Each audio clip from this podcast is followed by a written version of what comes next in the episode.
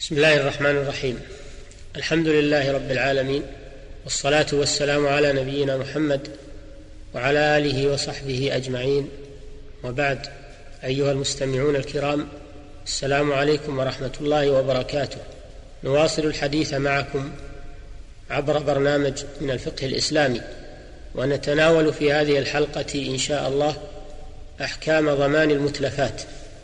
اعلموا وفقني الله وإياكم أن الله حرم الاعتداء على أموال الناس وابتزازها بغير حق وشرع ضمان ما أتلف منها بغير حق ولو عن طريق الخطأ فمن أتلف مالا لغيره وكان هذا المال محترما وأتلفه بغير إذن صاحبه فإنه يجب عليه ضمانه.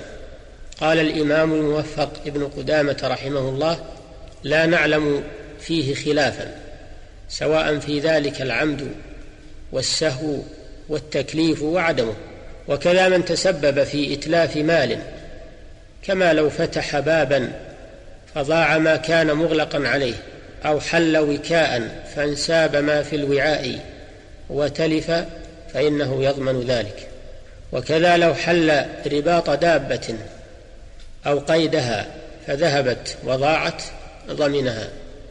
وكذا لو ربط دابة بطريق ضيق فنتج عن ذلك أن عثر بها إنسان فتلف أو تضرر ضمنه صاحب الدابة لأنه قد تعدى بربطها في الطريق الضيق وكذا لو أوقف سيارة في الطريق فنتج عن ذلك أن اصطدم بها سيارة أخرى أو شخص أو شخص مار فنجم عن ذلك ضرر فإنه يضمنه صاحب السيارة. لما رواه الدار قطني وغيره. من وقف دابة في سبيل المسلمين أو في سوق من أسواقهم فوطئت بيد أو رجل فهو ضامن. وكذا لو ترك في الطريق طينا أو خشبا أو حجرا أو حفر فيه حفرة فترتب على ذلك تلف المار أو تضرره أو ألقى في الطريق قشر بطيخ ونحوه.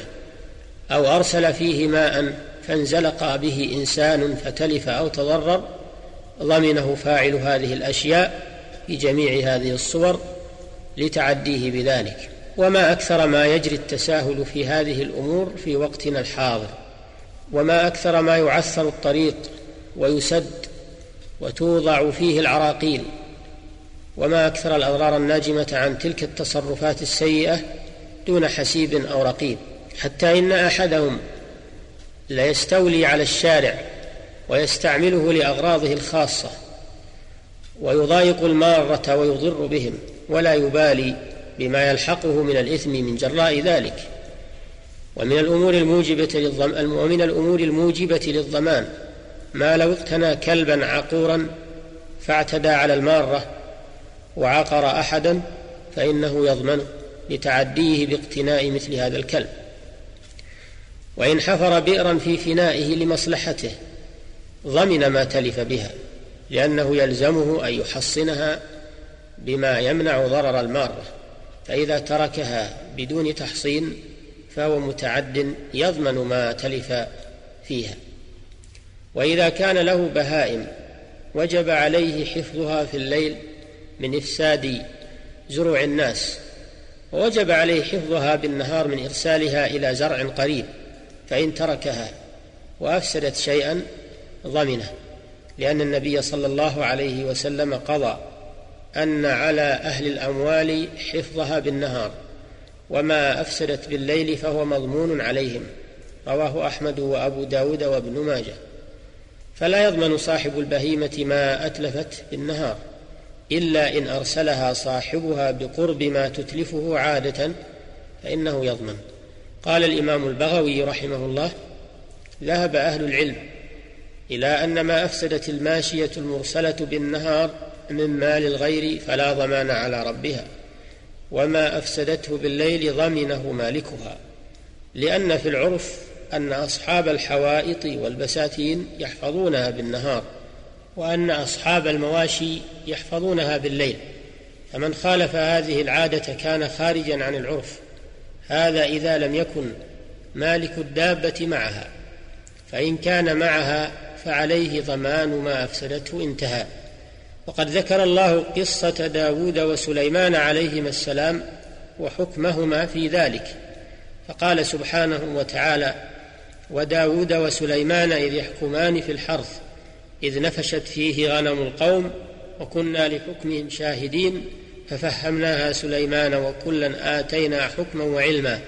قال شيخ الإسلام ابن تيمية رحمه الله صح بنص القرآن الثناء على سليمان بتفهيم الضمان بالمثل فإن النفش رعي الغنم ليلا وكان ببستان عنب فحكم داود بقيمة المتلف فاعتبر الغنم فوجدها بقدر القيمة فدفعها إلى أصحاب الحرث وقضى سليمان بالضمان على أصحاب الغنم وأن يضمنوا ذلك بالمثل بأن يعمروا البستان حتى يعود كما كان ولم يضيع عليهم مغلة من حين الإتلاف إلى حين العود بل أعطى أصحاب البستان ماشية أولئك ليأخذوا من نمائها بقدر نماء البستان فيستوفوا من نماء غنمهم نظير ما فاتهم من نماء حرثهم واعتبر الضمانين فوجدهما سواء وهذا هو العلم الذي خصه الله به وأثنى عليه بإدراكه انتهى. وإذا كانت البهيمة بيد راكب أو قائد أو سائق ضمن جنايتها بمقدمها كيدها وفمها لا ما جنت بمؤخرها كرجلها لحديث الرجل جبار وفي رواية أبي هريرة رجل العجماء جبار والعجماء البهيمة سميت بذلك لأنها لا تتكلم وجبار بضم الجيم أي جناية البهائم هدر.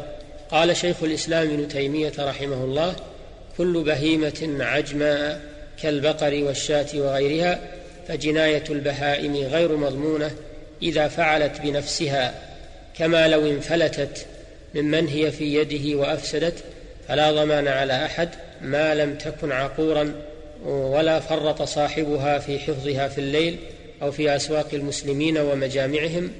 وكذا قال غير واحد أنه إنما يكون جبارا إذا كانت منفلتة ذاهبة على وجهها ليس لها قائد ولا سائق إلا الضارية انتهى.